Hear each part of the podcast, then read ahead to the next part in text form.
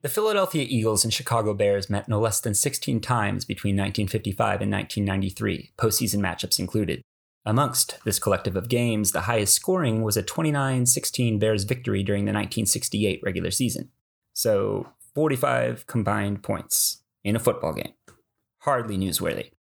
In fact, in none of these 16 meetings did both teams eclipse 20 points.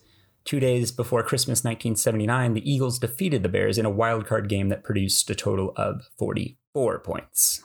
Seven months prior, the Philadelphia Phillies defeated the Chicago Cubs 23 to 22. And yes, they were playing the sport of baseball. So none of those 16 NFL football matchups produced more total points than the 45 combined runs of the Phillies and Cubs.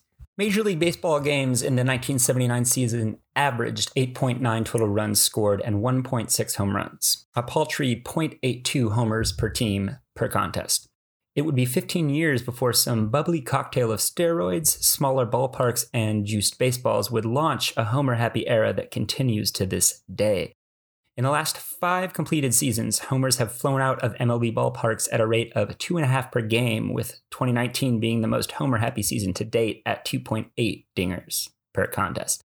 In that 79 season, there were three instances of teams scoring at least 20 runs in a single game. Two of those occurred on the same day in the same game.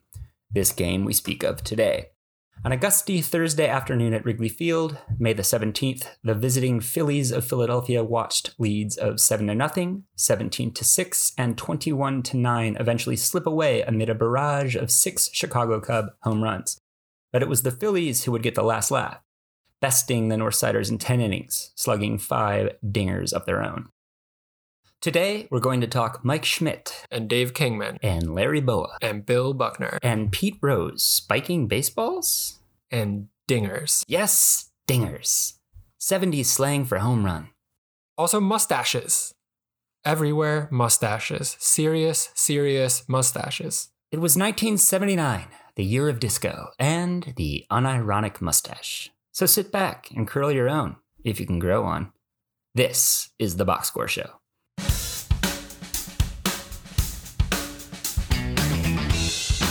I'm Chris DeSalvo. And I'm Kevin Chroust. This is episode 5 of The Box Score Show, a podcast created by The Analyst. We're discussing one remarkable box score each week with all sorts of info about its statistical and cultural relevance, then and now. In terms of games, we try not to be too obvious with the box scores we choose, though we may have broken that rule with this game. Mm-hmm, indeed. And in terms of stats, nothing too advanced. Rather, we'll just stick to the stats we all grew up understanding in box scores. After listening, check out The Analyst, where we're producing plenty of other data driven sports storytelling. That's at theanalyst.com. Welcome to the Box Score Show. Episode 5 50 hits, 45 runs, and no touchdowns. And if you're scoring at home, well, It may not appear in the box score, but ladies and gentlemen, that may have been a game-saving play. Before we delve into the pertinent details of the looming Dingerfest that took place in front of 14,952 Cub faithful on this gorgeous May afternoon at the tail end of arguably the 20th century's most fashion forward decade, it's important we first contextualize the matchup of this ballgame's starting pitchers. For the Phillies, it was Randy Lerch, who, despite having a less than desirable surname, had recently pitched his way into the Philadelphia starting rotation and had proved to be quite the batsman too, swinging the lumber for the Phils quite well, launching two dingers in their NL East clinching victory over division rival Pittsburgh just a season earlier. In 1979, Randy lurched his way through a tough season on the mound, finishing with just 10 victories against 13 losses and a 5.07 ERA for skipper Danny Ozark. For Joey Amalfitano's Cubs, it was Dennis Lamp taking the mound on this fateful Thursday at Wrigley. When Lamp was on, he certainly provided a bright spot in the Cubs' rotation that season, finishing with 11 wins against 10 losses and a 3.50 ERA.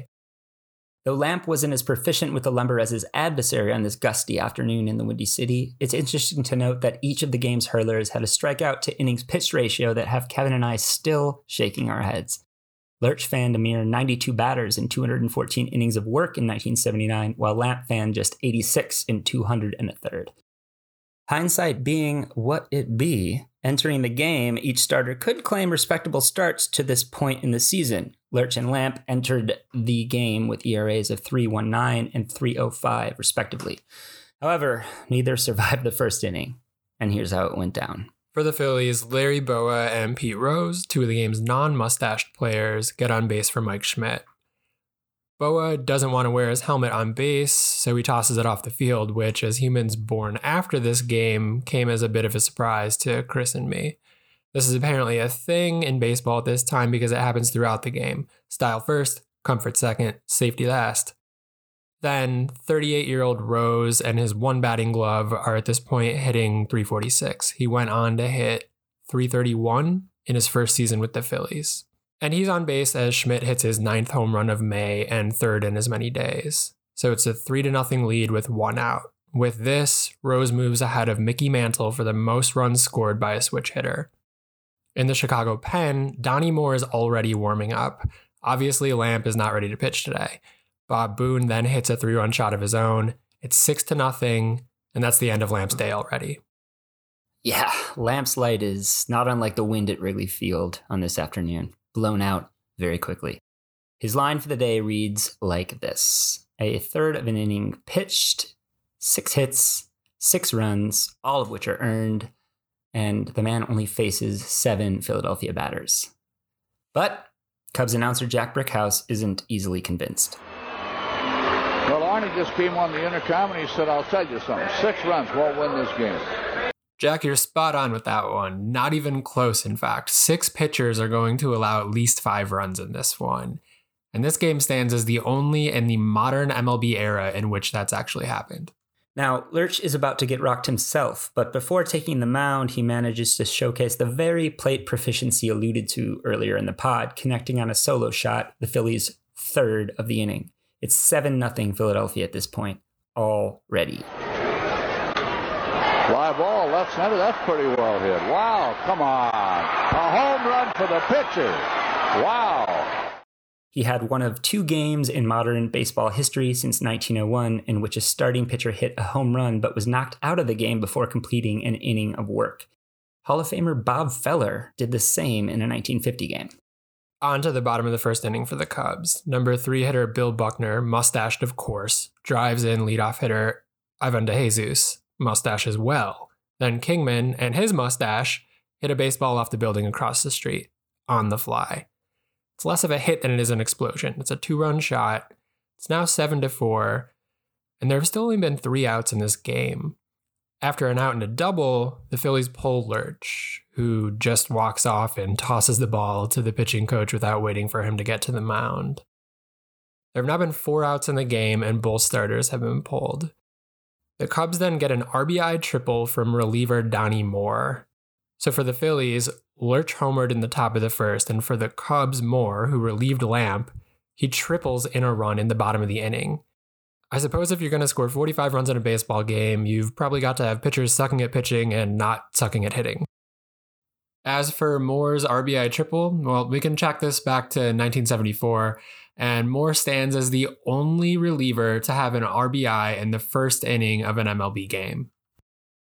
By the time this epic opening frame ends, 13 runs have crossed the plate, with Philadelphia ahead 7 to 6. It is one of six games in modern MLB history in which each team scored as many as six runs in the opening frame. Both sent 10 to the plate. And at the end of one inning, Philadelphia 7, the Chicago Cubs 6. This game stands as one of seven in the divisional era, so dating to 1969, in which both starters have combined to pitch less than one inning. Two games actually have had the starters not recorded out among them. Neither team scores in the second, which, along with the ninth, are the only scoreless innings of the game. In the bottom of the second, the Cubs put runners on first and third with nobody out, but being the Cubs, can't drive anyone home. The inning ends with a listless grounder hit to first. Pete Rose, potentially on some uppers of some kind, celebrates this easy unassisted putout like it's a touchdown, spiking the ball into the dirt before gracelessly lumbering back into the Phillies dugout. Boy, I hope that doesn't come back to haunt him. On to the top of the third for the Phillies. A series of bloop hits and a walk makes it 9 to 6. Then Rose comes up with the bases loaded. He hits an opposite field double to left it's now at 11 to 6 off of one of those patented doubles of his. Second and third with one out for Schmidt, who's intentionally passed. The bases are then loaded for Del Unser and his mustache. He grounds out but drives in a run. Now it's 12 to 6. Up comes Gary Maddox. He hits one that shouldn't have even been a warning track fly. This is the definition of a wind-aided dinger. Nevertheless, it's now 15 to 6. So what kind of game is this? It's the kind of game that in the third inning a relief pitcher bats twice. That's Doug Bird. They end up sending 13 to the plate in that inning. So after a scoreless second inning, the Phillies piled on another eight runs in the third. It's one of three instances since 1950 in which a team has had two innings of seven or more runs within the first three innings of a game. Now, if you're a regular watcher of Cubs games, you know they tend to have random guests stop by the TV booth. Sometimes it's Harry Caray, who is dead. Sometimes it's Eddie Vedder, who is alive. In this one, we get Ray Meyer of DePaul basketball acclaim. But before the bottom half of the third, we also get, for whatever reason, Bulls guard Tate, no relation to BJ Armstrong, who looks like he just got done surfing and perhaps smoking a cigarette.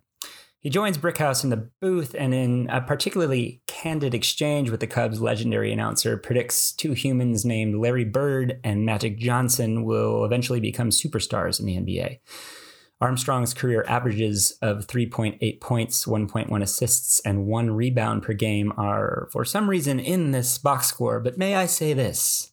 Dang, somebody should have gotten this dude an interview at Baby Cable Network, ESPN, for this sterling, intuitive insight. Anyway, back to the game. Sizemore, no stash, hits a bloop, single. Pitcher Willie Hernandez, stash, strikes out, so there's no response to the eight run inning from the Cubs. McBride, mustache, leads off the fourth for the Phils. His cap is in his back pocket in case he gets on and wants to take his helmet off, a base running maneuver Kevin alluded to earlier, which proves to be quite popular amongst his contemporaries in this era. The stashless Bowa singles, and Rose, batting righty, clubs another double to the opposite gap. This gives him five doubles in the series thus far. Schmidt is then intentionally walked, setting up Maddox's fourth hit in four innings. He is, however, taken out of the game at this point after injuring himself sliding into second. No word on the status of his ball cap in his back pocket. Former Cub Gary Gross and his mustache then replace him. In total, the Phils get two runs in the top of the fourth, extending their lead to 11 runs. It's 17 to 6. Onto the Cubs' bottom of the fourth. DeJesus strikes out. Mike Vail and his mustache single for already his third hit of the game. Then Buckner flies out. Kingman on a 3 0 count, which goes to 3 and 2, hits just about the same home run off of the same building in left field. It's a two run homer. You have no idea where this ball goes because neither does the cameraman. Score now is 17 to 8 Phillies. Only nine to go, fellas. Let's get moving. Next batter, Steve Ontiveros makes it back to back home runs, 17 to 9. Jerry Martin flies out to about the deepest part of center field, and we're now through four innings. We have 30 total hits. 24 outs, 30 hits. On to the top of the fifth. Luzinski walks. McBride then gets the Phillies' 18th hit of the game. Bowa then connects on a bloop double, driving in another run. Rose steps in, does not get one of his 4,256 career hits, instead reaching on an air, scoring Luzinski, 19 to 9. Schmidt then walks to load the bases. Unser steps in for the third time with the bases loaded and drives a sac fly to center, scoring MLB's all time hits leader. Gross then connects on a sac fly to left, scoring Bowa. The Phillies have batted around three times in five innings to this point. So after two sacrifice flies, there's two more runs in, and it's 21 to 9 Eagles over the Bears heading into the start of the third quarter. By this point, the Phillies have now piled up 45 plate appearances, so nine per inning. For this one, we can go back to 1974 and check it, and those 45 are tied for the most on record with the Toronto Blue Jays from the previous season, 1978. Since this game, the closest anyone's come is 43 plate appearances in the first five innings, and that was done by Cleveland in 2013. Bottom five, and the Phillies bring Tug McGraw to the mound, which is kind of odd. It's a 12 run game. And he enters the game with a 159 ERA and a 139 opponent average. But he's about to allow seven runs in two thirds of an inning. Chicago catcher Barry Foote leads off with the base hit, followed by a Schmidt error. Steve Dillard and his mustache pinch hit for Hernandez, and walks on four pitches. So the bottom of the order loads the bases for DeJesus, and McGraw walks in a run. It is 21 to 10. After an out, it's Bill Buckner. McGraw is struggling to throw a strike at this point, and when he does, Buckner sends one into the right field stands. It's 21 to 14. The Cubs are down seven runs, but Buckner sullies his karma by barking at the Phillies infield as he rounds the bases. Eight home runs have been hit. Kingman walks. Martin and his mustache jack one to left center. It's a two run shot, just a few feet deeper than the warning track fly at the previous inning. The Cubs have seven on the board in the fifth. It's 21 to 16. Then Barry Foote's mustache doubles in his second hit of the inning. The Cubs have 17 hits. McGraw's afternoon is now finished. Ron Reed comes in, and he's got an 043 ERA that's going to last for at least a few more minutes. Serves you right, Ron Reed, for not having a mustache. On to the Phillies' sixth. Larry Bowa steps in and bloops his fifth hit of the game already. His average has gone from sexy to sexier. It's the 37th collective hit of the game. And in steps Mike Schmidt, whose lumber is subdued yet again, walking for the fourth time. Other than that, it's a rare half a frame in which nothing happens, aside from Philadelphia stranding two runners. In the Cubs' half of the sixth, Dillard legs out an infield single and then DeJesus doubles. Dillard subsequently scores on Vail's chopper to short, so after this fielder's choice situation, it's 21 17 Eagles. There's the scoreboard. If you can't get bingo out of that. DeJesus then scores on Buckner's grounder to Larry Bowa. another fielder's choice, another Cub run, 21 18. At this point, eventual MLB footnote Buckner has driven in five runs already. And in steps the mighty Dave Kingman, who launches the Cubs closer, driving another towering shot onto Waveland Avenue, bringing the score to 21 19. Had Buckner beaten the previous chopper out, who knows? The Cubs may have won this one. The three Kingman home runs, each one apparently longer than the previous one, are stuff of Wrigley Field legend indeed. The second was described as being hit around the third story of a three story building beyond the left field wall, and the third was said to have hit the front porch of the third house across Waveland Avenue. The ball actually travels north up Kenmore Avenue, winding up in front of the porch a handful of houses down this very street. That is power. And the kids of today are probably going, What was the exit velocity? After the final out of this inning, Rose spikes yet another baseball. Would it be a gamble to insist this man is pure class? Now, Brickhouse, who departed the booth for a few frames, is back in the top of the seventh. It seems he's not contractually obligated to do his job during the middle innings. Gross triples and Boone doubles to the right field gap. That gives the Phillies a 22 to 19 lead. And it's here that Brickhouse tells us about another epic. This Phillies Cubs battle stands as one of two games in modern MLB history in which both teams scored at least 20 runs. On August 25th, 1922, the same teams in the same ballpark played a 26 23 nine inning game.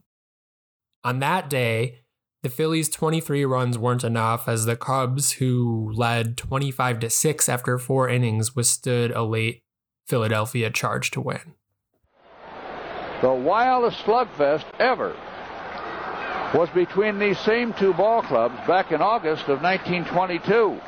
Philadelphia got six in the ninth inning. Now, there were only three homers in that game, but 51 hits along with nine errors. All of the homers were by the Northsiders. So, yes, the Phillies scored 23 runs without hitting the ball out of the park. But back to present day, where second baseman Rudy Meoli is called out on strikes to end the Phillies' fun. Man, Meoli sucks. Sorry to interrupt, Kevin. I just had to interject there. Being Italian, I can say that. On to the bottom of the seventh inning, where Brickhouse catches us up on the various leads we've had. I mean, they were losing seven to nothing. Another time they were behind 15 to six. Another time it was 17 to six. Then it was 17 to 9. Then it was 21 to 9. Then came a seven-run inning that made it 21 to, uh, to uh, 16. Then 21-18 with three runs in the sixth inning. But right now it's 22 to 19, and the tying run comes up for the first time since the second inning. But a double play on the first pitch to the Cubs' Larry Bittner ends the inning. On to the top of the eighth. Rose leads off with a single up the middle. Shocking. And it gets to second on a fielder's choice, but they can't get him in. The Phillies somehow left 15 runners on base in the game and 10 in scoring position, and yet somehow they still scored 23 runs and win the game. Nuts. On to the Cubs' half of the eighth, with Ron Reed still on the mound for Philadelphia and the Phillies' three run lead still intact. DeJesus leads off with an infield single, legging out Bowa's valiant effort to throw him out at first. Rookie batter Scott Thompson then strolls in, and his mustache, which is also listed as a rookie, and pinch hits for the pitcher. The count goes full, and then the youngster drills a drive off the groundkeeper's entrance in right field, but doesn't get to second. Had the ball found Ivy, who knows how many total bases he would have collected here. DeJesus strides to third easily on the play, and so we have first and third with nobody out. Uh, the tying run then walks to the plate. It's Bill Buckner, history's widower. The future Red Sox singles to center on the first pitch, scoring DeJesus 22 to 20 is now the score. First and second, nobody out. And in steps David Arthur Kingman.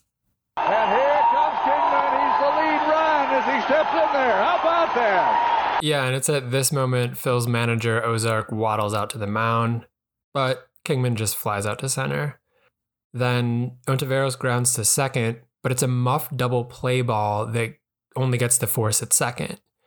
So now we have first and third, two outs that potential double play would have gotten the Phillies out of the inning. Instead, Jerry Martin goes right back up the middle on the first pitch. Everyone is coming up to the plate swinging. No one wants to walk.